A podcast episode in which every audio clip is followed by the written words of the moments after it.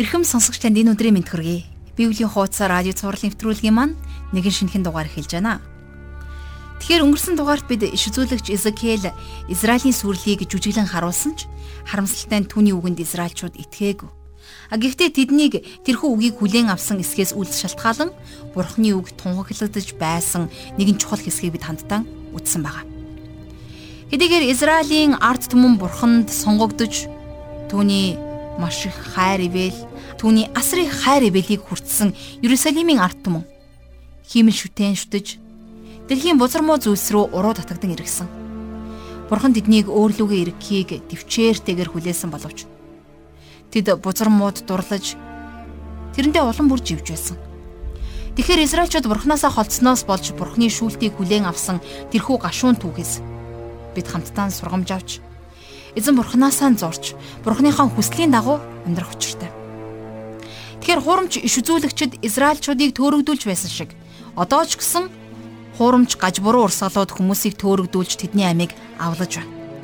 Гэхдээ тэд шийтгэлгүйгээр өнгөрөхгүй маа. Итгэвч бид бүгдээрээ гаж буруу урсгалын эсрэг залбирлаараа нэгдэн зогсох учиртай. Зөвхөн амьд бурхны үгээр зэвсэглэж харанхуй сүудэр газруудад гэрэл болон гэрэлдэж гол нь замаасаа буцахгүй зоригтой тууштай урагшилцгаая. Хүн өөрийн ирээдүйг сайн сайхнаар л өсөөлдөг одоо байгаагаасаа илүү сайхан болно гэдэгт бид итгэхийг хүсдэг. Гэхдээ итгэгч бидний хүсэн хүлээх ёстой тэр сайхан зүйл бол гагцгүй Иесус Христ эзний маань дахин ирэлтүүлээ. Иесус Христ дахин ирэх үед л үнэхээр бүх зүйл төгс сайхан болох болно. Ингээд хамтдаа шинэ хичээлд орцгоё. Бид өнөөдөр Эзекиэл номынхон 14-өөс 16 дугаар бүлгийг дуустал уншиж судлах гэж байна. Ингээд энэ цагийг бурхан даатгаж хамтдаа залбирая. Хайртай бурхан аав минь танд энэ цагийн төлөө талархлыг өргөн залбирч байна. Энэ өдөр бид таны үгийг судалж, таныг улам илүүгээр таньж мэдхийг хүсэж байна. Бид итгэлийн амьдралдаа тууштай байж, гаднаа бурханлаг дүртэй хэрний харин зүрхэндээ танаас хол хоёр нүртэй байхаас биднийг хамгаалж өгөөч. Бид таны өгсөн аврал, цагаатгал, зөвтгөл, нэгүслийг санахтаа бид өдөр бүр таныг алдаршуулж өдөр болгон таны хүслийн дагуу амьдрахад та бидэнд туслаарай. Та ариун сүнсээрээ энэ цагийг удирдах өгөөрэй. Таны хайртай хүү бидний их эзний нэрээр энэ цагийг өргөн залбирч байна. Амен. Ингээд хамтдаа жаргалах шиг хичээлд анхаарлаа хандуулцгаая.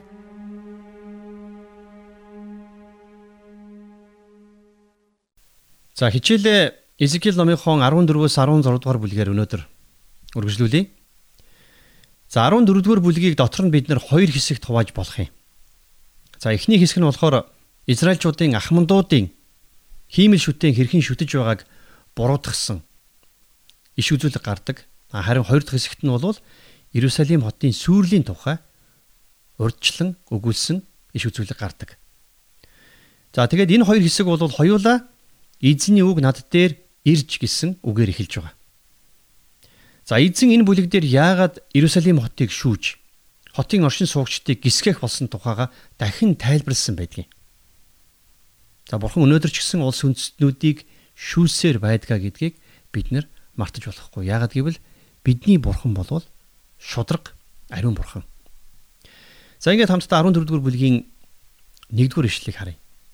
Тэгэхээр энэ хэсгээр бол Изекиэл Израилийн ахмадуудыг гимшилд дуудаж байгаа тухай гарна.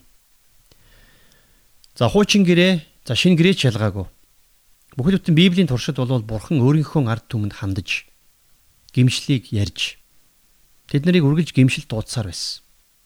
За тэгвэл яг энэ нэгдүгээр ишлэлд ирчихсэн Изекиэл Израильчуудыг бурхан руу эргээчээ гэсэн ятгалгийг хэлсэн баг. Нэгдүгээр ишлэлдэр дараа нь Израилийн зарим ахмадууд над руу ирж миний өмнө суув. Тэдгээр хүмүүс бол хоёр нүртэй хүмүүс байсан. Тэд нар иш үзүүлэгчийн үгийг сонсохыг хүсдэг хүмүүсийн дүрд тоглож байсан. Зөвлөж хэлэх юм бол ням гариг болохоор том библ бариад цуглаан руугаа явдаг хэрнээ. А цаагаараа бол бурханд үйлчлэх ямар ч сонирхолгүй дуулуургүй хүмүүстэй тэд нар яг адилхан байсан байна.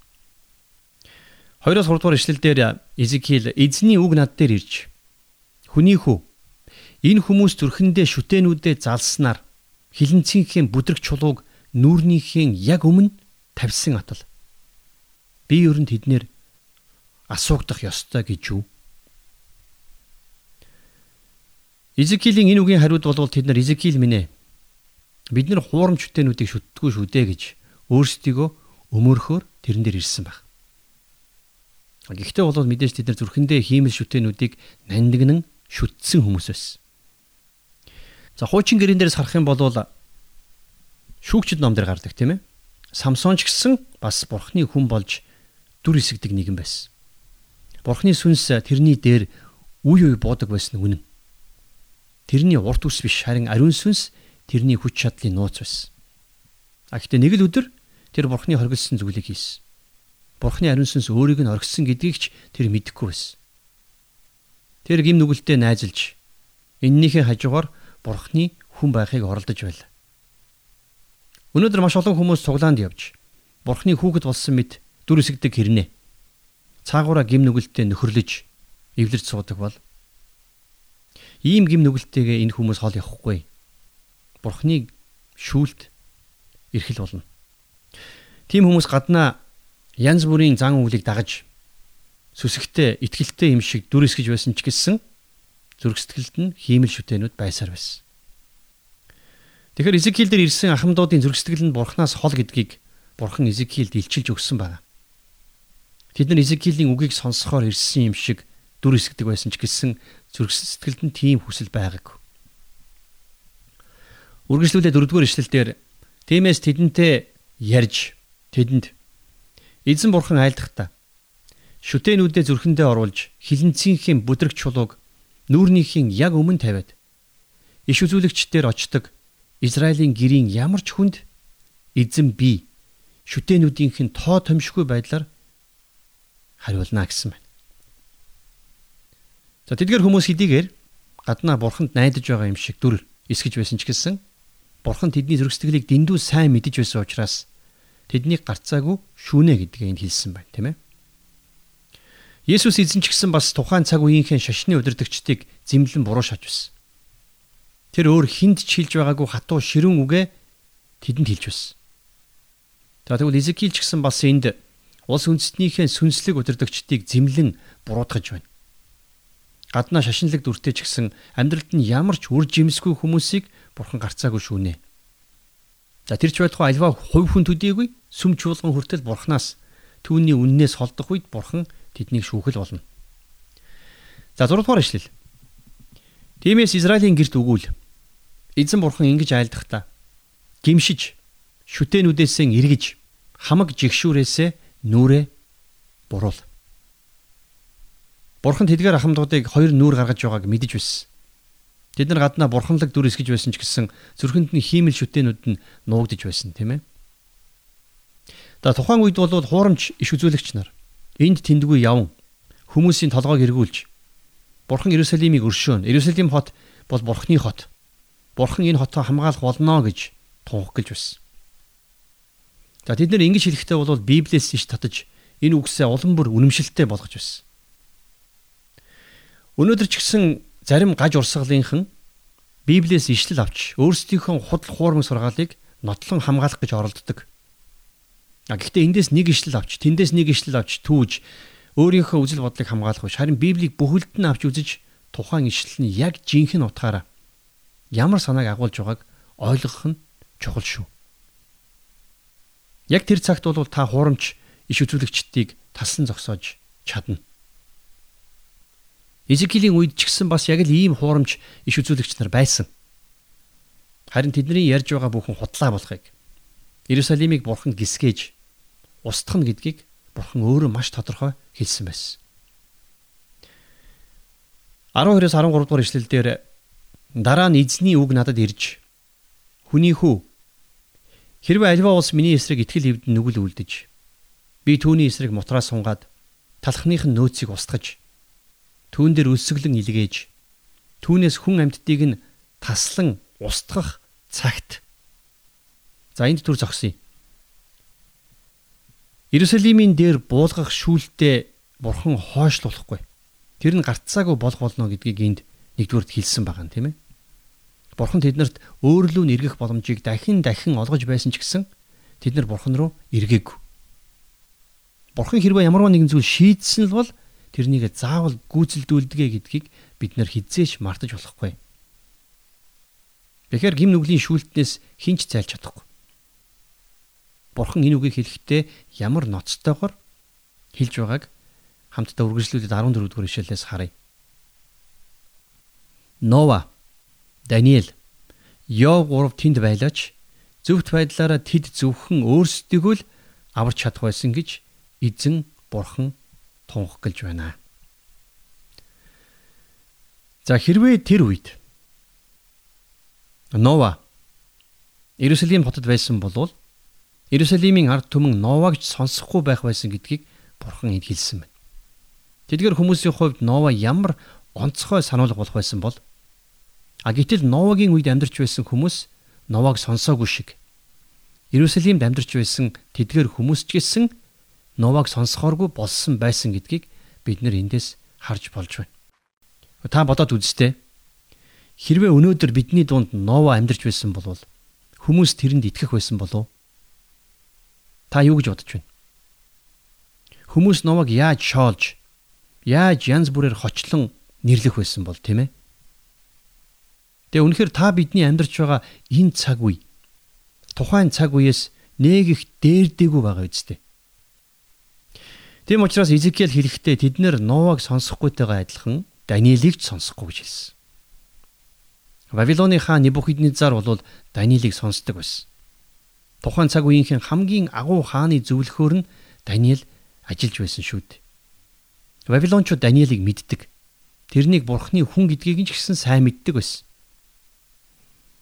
Багил хачирхалтай нь бурхны ард түм болсон Израильчууд нь өөрсдөө тэр үедээ бол Нуагч Даниэлигч за тэрч битгийл Йовыг ч сонсохооргүй болтлоо зүрх сэтгэлээ хатуу болгосон байсан байна. Өнөөдрийн нийгэмтэйг адилхан сонсогдож байна тийм ээ. 17 дугаар эшлэлдэр эсвэл би тэр нутагт илд авчирч илд уг нутгийг дайран өнгөрч би тэндээс хүн амьтныг таслая гэж айлдах аваас.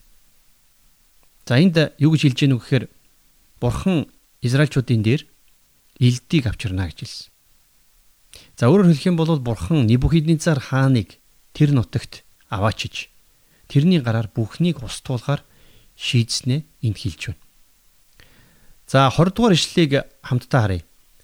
Нова, Даниэл, Йов нар тэнд байлаач тэд хөвгүүдээч огтооч аварч үлж чадна. Тэд зөвхт байдлаараа өөрсдийгөө л аварч чадах байсан. Би амьд гэж эзэн бурхан тунх гэлж байна. Өнөөдөр Бурхны үгийг шимтэн судлах гайхамшигтай амьдралын замнал та биднийг хүлээж байгаа. Бурхан энэ дэлхий даяар өөрийнх нь үгийг тунхлах боломжийг итгэгчдэд өгсөөр байгаа. А гэтэл үнэндээ бол бид нар Бурханы үгийг зоригтойгоор тунхлах юм бол Бурханы үгийг хүлээж авна гэж бодож төсөөлөөгүй тэр хүмүүс Бурханы үгийг хүлээж авна. Даниэл Иерусалимд байлаа гэд ямар ч нэмэргүй байх байсан. Тэрнийг сонсох хүн бол тэр үед байгаагүй. А гэтэл тэрнийг Вавилонд байх үед хаанасаа аваад харц ард хүртэл сонсч байсан шүү дээ. Тэгвэл бурхан яг л энэ гайхамшигтай ажлаа бол одоо ч гэсэн хийсээр л байна. За хамтдаа 15 дугаар бүлэг рүү оръё. Тэгэхээр энэ бүлэг дээр бол үр жимс гаргадаггүй усан үзмийн модны тухай сургаалт зүйрлэл гардаг. Тэгэхээр та хэрвээ санаж байгаа бол Библиэлд усан үзмийн мод гэдэг энэхүү харьцуултыг бол Израилийг төлөөлүүлэн хэрэгэлдэг тийм ээ. За тэгэхээр 15 дугаар бүлгийн 2-оос 4 дугаар ишлэлийг хамтдаа уншийе. Хүнийхөө усан үзмийн мод бусад модноос усан үзмийн мөчөр ой моддын дундаас юугаараа давуу билээ? Ямар нэгэн зүйл хийхээр үүнээс мод авч чадах уу? юм үлгэх дэгээгч болов үүнээс авч болох уу? Хэрвээ энэ нь түлээ болж галд хаягдан хоёр үзүүр нь галд шатаад дунд хэсэг нь нүүрс болсон байвал энэ ямар нэгэн юмд хэрэг болох уу? За тэгэхээр энд бурхан маш их тийм сонирхолтой зөвлөлийг ашигласан байгаа. Асуусан байна тийм ээ. Усан үзмийн модны яг зорилго нь юу юм бэ гэж. За энэ хүү ишлэгийг уншихад бол яахын аргагүй Иохны 15 дугаар бүлэг санаанд орж ирж байна. Есүс энэ хүү бүлэг дээр итгэгчдийг зураглан хэлэхдээ тэднийг усан үзмийн мөчөртэй зүүрлсэн баг. Есүс ингэж хэлсэн байгаа тийм ээ. Би бол усан үзмийн жинхэнэ мод. Эцэг минь усан үзм тариалагч билээ гэж. Тэгэхээр усан үзмийн модны гол зорилго нь юу юм бэ? За мэдээж ганцхан зүйл. Усан үзм ургуулах. Мэдээж усан үзмийн модоор гэрийн тавилга хийдэг. Та тавилгын дэлгүүрт ороод за сайн чанарын усан үзмийн модоор хийсэн ширээ сандал эсвэл ор авъя гэвэл худалдагч тань руу эвэртэй туулаа үдсэн юм шиг харна шүү дээ. Тэгээ Иохан номон дээр эзэн Есүс хэлэхдээ хэрвээ итгэгч хүн үр жимс гаргахгүй бол тэрнийг үр жимс ургуулах ёстой тэр байр суурнаас нь холдуулах болно гэж хэлсэн ба. За мэдээж энэ бол тэр хүний авралаа алдах асуудлын тухай яриаггүй тийм ээ. А гэхдээ бурхан тэр хүнийг тэр хүн онцгой байр суурнаас нь холдуулна. Иохны 15 дугаар бүлгийн 8 дугаар эшлэлдэр Есүс хэлэхдээ та нар их жимс гаргаж миний шавнар болоход эцэг минь алдаршна гэсэн баг. А тэгвэл Эзекилийн үед амьдарч байсан Израилийн ард түмэн бол үр жимс ургуулхаа нэгэнт болсон байсан. А тийм л учраас Бурхан Иерусалимыг шатаахаас өөр зам надад үлдсэнгүй гэж хэлсэн баг. Израильчууд Бурханыг төлөөлж бусдад гэрэл давс болох ёстой байсан. Харин тэд нэр энэ зүйлийг хийж чадаагүй. Тийм учраас л тэдний дээр Бурханы шүүлт бууж байгаа юм. Хэрвээ та Христэд итгэгч байх ивэл ерөөл танд өгөгдсөн болвол танд онцгой хариуцлага оногджээ гэж бодоорой. Бурхны үгийг огт сонсож үзээгүй хүмүүсийн дэргэд болвол Бурхны үгийг сонсож байгаа бид нар илүү үүрэг хариуцлагатай гэдгээ санаар. Бид нар л илүү үр жимс ургуулах ёстой. Энэ бол та бидэнд хандсан Бурхны хүсэл юм. За 16 дугаар бүлэг дээр өөр нэгэн сургаалт зөвлөлийг Бурхан айлдсан байгаа. За энд болохоор хаягдсан өнчин хүүхдийн тухай сургаалт зүрлэл. За нэгдүгээр эшлэлдэр мөн л Изекиэл дараа нь эзний үг надад ирж гэж эхэлж байгаа. За тэгээд 2-оос 3 дугаар эшлэлдэр хүний хүү чи жигшүүрүүдийг нь Иерусалимд мэдүүлж хэлэхтэн. Эзэн бурхан Иерусалимд ингэж айлдаж байна. Уг гарал үүсэл чинь Канаанчуудын нутгаас аваад чи тэнд төрсөн. Эцэгч нь Амор, эгч нь хид хүн байсан. За энийг сонирхолтой. Юу вэ гэхлээр зэрэг бурхан энд Авраам, Сара хоёрын тухай. За Израиль үндэстний гарал үүслийн тухай яриаггүй гэдгийг бол бид нэр сайн ойлгох хэрэгтэй. Харин энэ бол Иерусалим хотын үүслийн тухай ярьсан яриа. За Библиэлд тодорхой байгальдаа анхандаа Иерусалим хот бол Амор үндэстнүүдийн нутгалдаг хот байсан. Аморчуудын хот тийм ээ. За Эхлэл номын 15 дугаар бүлгийн 16 дугаар ишлэлдэр ингэж бичсэн байна. Харин тэд дөрөв дэх үедээ нутагтаан эргэж ирнэ. Учир нь аморчуудын хилэнц арай дүүрээгүйгээс тэр болоо гэсэн ба. За нөгөө талаасаа бол Иерусалим хот нэгэн цагт хидчүүдийн мэдлэлт байсан. За тухайн үед бол хидчүүд маш хүчрхэг үндэстэн байсан учраас тэр газар нутгийг бүхэлд нь захирч байсан тийм одоо үе байдаг. Тэгэхээр яахын аргагүй энэ саяын бидний уншсан 2-3 дугаар эшлэл дээр бол Иерусалим хотын гарал үүслийн тухай ярьж байгаа. Тэгээд дээрэс нь энэнд бол ямар нэгэн бардамнаж сайрхах юм ердөөсөө байхгүй гэсэн үг. 4-5 дугаар эшлэл дээр төрсний чин тухайд бол төрсөн өдөртөө хүүчин таслагдаагүй. Цэвэрлэх гэж чамайг усаарч угаагаагүй. Чи давсаарч өрүүлээгүй. Давуугаарч үлгийдүүлээгүй чамайг өрөвдөн эдгээр үлийн нэгийг ч болов чамд үлдэхээр нэг ч нүд чамайг инэрэн хараагүй. Харин чамайг хээр талд хайсан. Учир нь чи төрсөн тэр өдөртөө жигшигджээ. Тэгэхээр Бурхан Иерусалим хотын гарал үүслийг тэдэнд сануулж байна, тийм ээ. За энэ хот бол эцэг ихтэй гологдож хаягдсан. За нэг бодлын хүсээгүй үнчин тийм хүүхэдтэй адилхан байсан гэж бурхан хэлсэн байна. 6-аас 8 дугаар эшлэлдэр би дэрэгдүрч нь өнгөрч чамайг цусандаа тийчлэн байхыг харсан. Цусан дундаа хөвтөж байхад чинь би чамд амьдр хээрийн өвс ногоо адил өсөж торно гэж айлдсан билээ. Тэгээд чи өсөөд өндөр болж сайхан чимэглэл зүүх насанд хүрчээ. Хөгч нь томорч, үс чинь ургаж гүйцэв. Гисэн ч чи нүцгэн шалдан байв. Би чиний хажуугаар өнгөрч чамайг харсанд үзэгтэн чи хайрлуулах насан дээрээ байжээ. Тиймээс би хормоогоо чиний дээгүр дэлгэж нүцгнийг чинь халгалсан. Би бас чамд тангаргалан чамайг минийх болгохоор чамтай гэрээнд нэгдсэн гэж эзэн бурхан тунхаглаж байна. Ямар гайхамшигтай вэ? Бурхан Иерусалим хотыг хэрхэн яаж үрчлэн авч, яаж хамгаалan сахиж, яаж тижээн тэтгэж, өсгөж өндийлгöd өөрийн болгож авсан тухайга энд өгүүлсэн. За 9-оос 11 дугаар эшлэлдэр цааш нь үргэлжлүүлээд тэгээд би чамайг усанд булхан чамаас цусыг чинь угаан чамайг тосоор тосолсон. Би бас чамайг хатгамалтай хувцсаар хувцалж хөлд чин далайн гахаан арьсан шаахыг өмсгсөн. Би чамайг нарийн майлангаар ороож торгоор бүтээв. Би чамайг гоёлоор гоёхдоо гарт чин буувч хийж хүзүүнд чин зүйлт зөвлөгсөн гэж.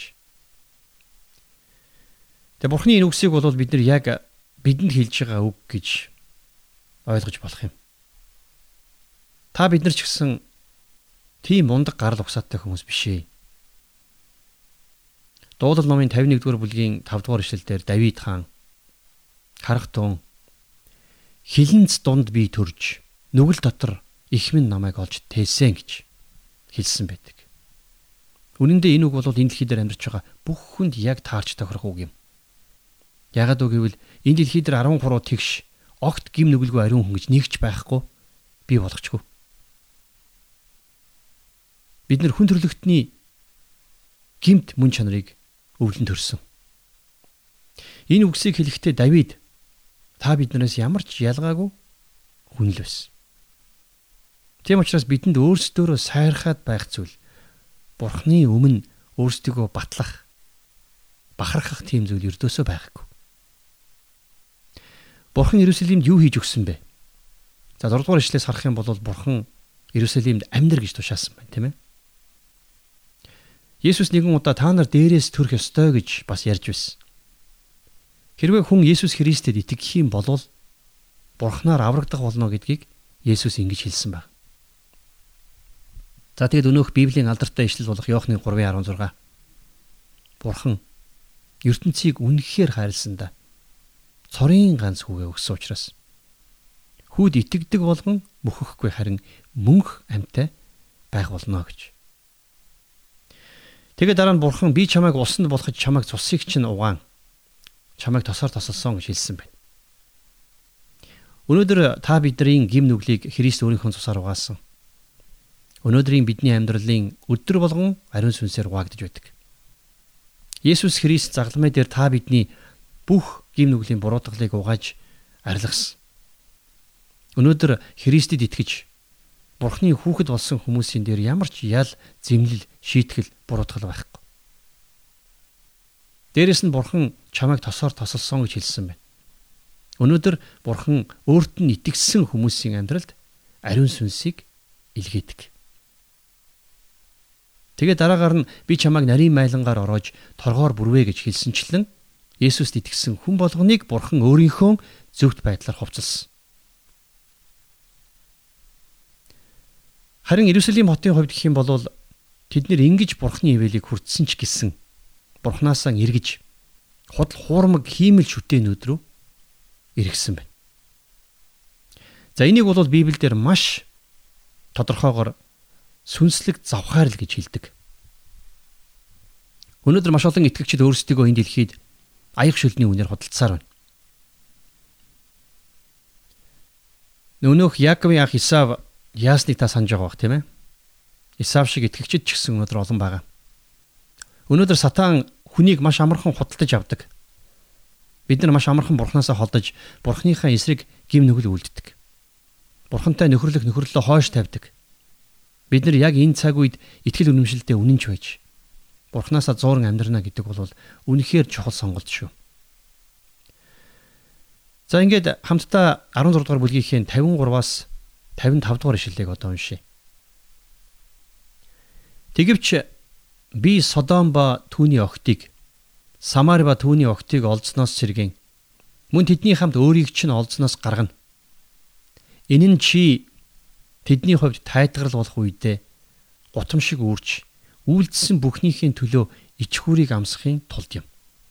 Игч дүүс чинь Содом охидтойгоо хамт Самар охидтойгоо хамт урдынхан газарт буцаж бас чи охидтойгоо хамт урдынхан газарт эргэж ирнэ. За яг энэ ишлэлийг бариад байна шүү дээ. Олон гаж урсгалууд бүх хүмүүс аврагдах болно гэсэн буруу сургаалыг заадаг юм а. Гэтэл үнэндээ бол ийм биш юм. За тэд нар бас Изекиэл номын 37 дугаар бүлгийн 12 дээрх би булчнуудыг чинь нээж та нарыг булчнуудаас чинь гаргана гэсэн ишлэлийг иш татаж бүх хүмүүсийг бурхан авралдаа багтаах болно гэсэн сургаалыг заадаг. А гэтэл бурхан энд хорон муу хүмүүс ч амилж аврагдах болно гэсэн санааг ердөөсөө хэлээгүй. Харин юу ч хэлсэн гэхлээр тэдний газар нутаг хот суурин улс үндэстнийг нь эргүүлэн сэргэнэ гэсэн утгатай л ишлүүлжүүд. Өөрөөр хэлэх юм бол бурхан Израилийг дахин сэргэнэ. Дахин эргүүлэн нэгтгэх болно гэсэн энэ иш үзүүлгийг энд өгүүлсэн байна. Тийм учраас байна Та бид нар Библийг судлахдаа Библиэлд хишлүүдийг нэг нэгээр нь салгаж биш. Харин бид нар хам сэдвийнх нь хүрээнд авч үзэх нь илүү чухлаа гэдгийг л энд захиж хэлмээр байна. За ингээд өнөөдрийнхөө хичээлийг 16 дугаар бүлгийнхээ 60-аас 63 дугаар ишлэлийг уншаад жаргаая. Гэсэн ч залуу насны чинь өдрүүдэд чамтай байгуулсан гэрээгээ би санаж чамтай мөнхийн гэрээг байгуулнаа. Тэгээд чи замуудаа санаж өөрийн эгч дүүс болох эгч ба охин дүү хоёрыг хүлээн авахдаа чи ичих болно. Би тэднийг чамд охид болгон өгөх боловч энэ нь гэрээнээс чинь болоогүй. Ийхүү би чамтай гэрээ байгуулад чи намайг эзэн гэдгийг мэдэх болно. Энэ нь үйлдэлсэн бүхний чинь төлөө би чамайг уучлах цагт чи санан ичиж доромжлоос болж дахин хизээч амаа нээхгүй тулд юм гэж эзэн бурхан тунхаглаж байна. Тэгэхээр бурхан Израильчуудтай хийсэн гэрээгээ зөвхөн санаа зогсохгүй. Тэд нартай цоо шин гэрээг бас дахин байгуулах болно гэдгээ энд хэлсэн. Тэгэхээр эдгээр ишлүүдийг бүгдийг нь нэгтгэхэд судлаад үзэх юм бол байна. Бурхан Израилийг бүр мөссөн орхиогүй юм байна. Харин тэднэрт хандсан онцгой төлөвлөгөө бурханд байгаа юм байна гэдгийг бид нар ойлгож авдаг. За энэ хүрээд өнөөдрийнхөө Библи судлалын цагийг өндөрлөё.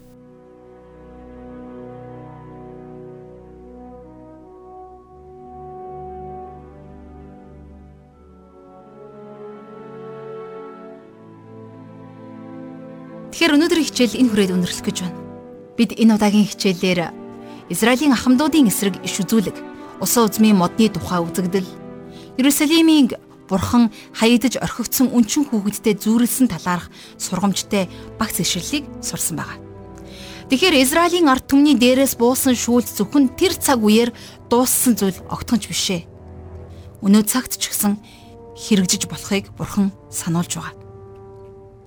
Бидний эргэн тойронд гаднаа бурханд итгэдэг юм шиг харагддагч үнэн чанартай зүгээр л дүр эсгдэг хүн маш олон бий. Магадгүй та тэдний цаад хүнийг нь таньж мэддэгч илчлэх аргаа мэдэхгүй дотроо бухимдаж явдаг бол жаргалагшин энэ удаагийн хичээл таныг тайвшруулсан баг. Бурхан тэднийг гарцаагүй шүүх болно. Үнэхээр бидний дунд шашинлаг дүртэйч амьдралдаа үржимсгүй хүмүүс байдаг. Тэгвэл энэ байдал нь тэднийг бурхны шүүлтийн өмнө аваачих нь мадаггүй үнэ юм. Бурхан биднийг өөрийнх нь үннээс холдох үед шүүдэг. Тиймээс бусдыг шүүхээсээ өмнө бид ч гэсэн би ч гэсэн гаднаа итгэгч гэрнэ харин дотроо бурханлаг амьдралаар амьдрахгүй байна уу гэж өөрийгөө нэгтэлж шалгадаг байцгаая. Тэгэхээр энэ цагт түүний энэ үгийг ойлгож ухаарч авах нь маш чухал. Тэгэхээр итгэж хүмүүс бид гаднаа шашинлаг дүртэй боловч зүрхэндээ гим нүгэл хиймэл шүтэнүүдийг хайрладаг хоёр нүртэй байдлаас цаг үргэлж болохоомжлох ёстой. Бурхан зориулахаар шийдсэн энэ амьдралда ариун сүнсний үр жимсээр дүүрэн алхах учиртай маа. Учир нь бидний зориг бол энэ юм. Бурхан биднийг гологдож хаягдсан хүүхэд адил гим нүгэлтэйгээ хутгалдаж байхад үрчлэн авч өөрийнхөө өөрийн охин болгон урчлан авсан. Тэр бидний гим нүглийг цагаатгаж биднийг зөвтгөл өд дуудсан. Бид энэ л итгэлээрээ тууштай бөгөөд зоригтой амьдрах ёстой. Энэ хүрээд өнөөдрийн хичээл маань өндөрлөж байна. Хамтдаа эзнээс авсан ивэл өрөөлийнхөө төлөө талархаж энэхүү сонсож сурсан зүйлээ ч гэсэн бусад хүмүүстэй хуваалцах боломжийг эзэн та бидэнд өгөөч гэж хамтдаа залбирцгаая. Хайртай бурхан аав минь танд өнөөдрийн хичээлийн төлөө талархлыг өргөн залбирч байна. Тиймээ та ямар ч үед биднийг орхидоггүй. Үргэлж дэрэгдмэн байдаг, хамгаалдаг. Эзэн та бидний сайн хончин байдаг учраас баярлалаа бурхан минь. Үнэхээр бид Израильчуудын тухайн цаг үеийн байдлаас сургамж авч таны өмнө зүвт, таны өмнө бурханлаг амьдрахад та туслаарай. Бидний гаднаа бурханлаг дүртэж харин зүрхэндээ гим нүгэл давтагдсан. Ата хорслоор дүүрэн тийм л хормоо нэгэн байхаас хамгаалж өгөөч. Итгэл үнэмшил, тантай нөхөрлөх хайрын нөхөрлөл, харилцаагаа ярихгүй зүйлээс худалддаг хүмүүс байхаас биднийг хамгаалж сэрэмжилж өгөөч. Өдөр болгон та биднийг ариун сүнсээрээ удирдах өгөөрэй. Бид Изекэл номоор дамжуулан сурч байгаа зүйлээр бусдыг шүүж тунгаах биш. Харин бид өөрсдийнхөө алхам, бид өөрсдийнхөө мөрийг шинжин мэдж харин аваа танаас авсан ивэл өрөөлийг бусадтай хуваалцагчд байхад та бидэнд туслаарай. Эзэн бурхан минь Энэхүү хичээл, энэхүү радио үйлчлэлийн төлөө тань талархал магтаалыг өргөж эзэн Есүсийн нэрээр залбирanгуйч байна. Амен.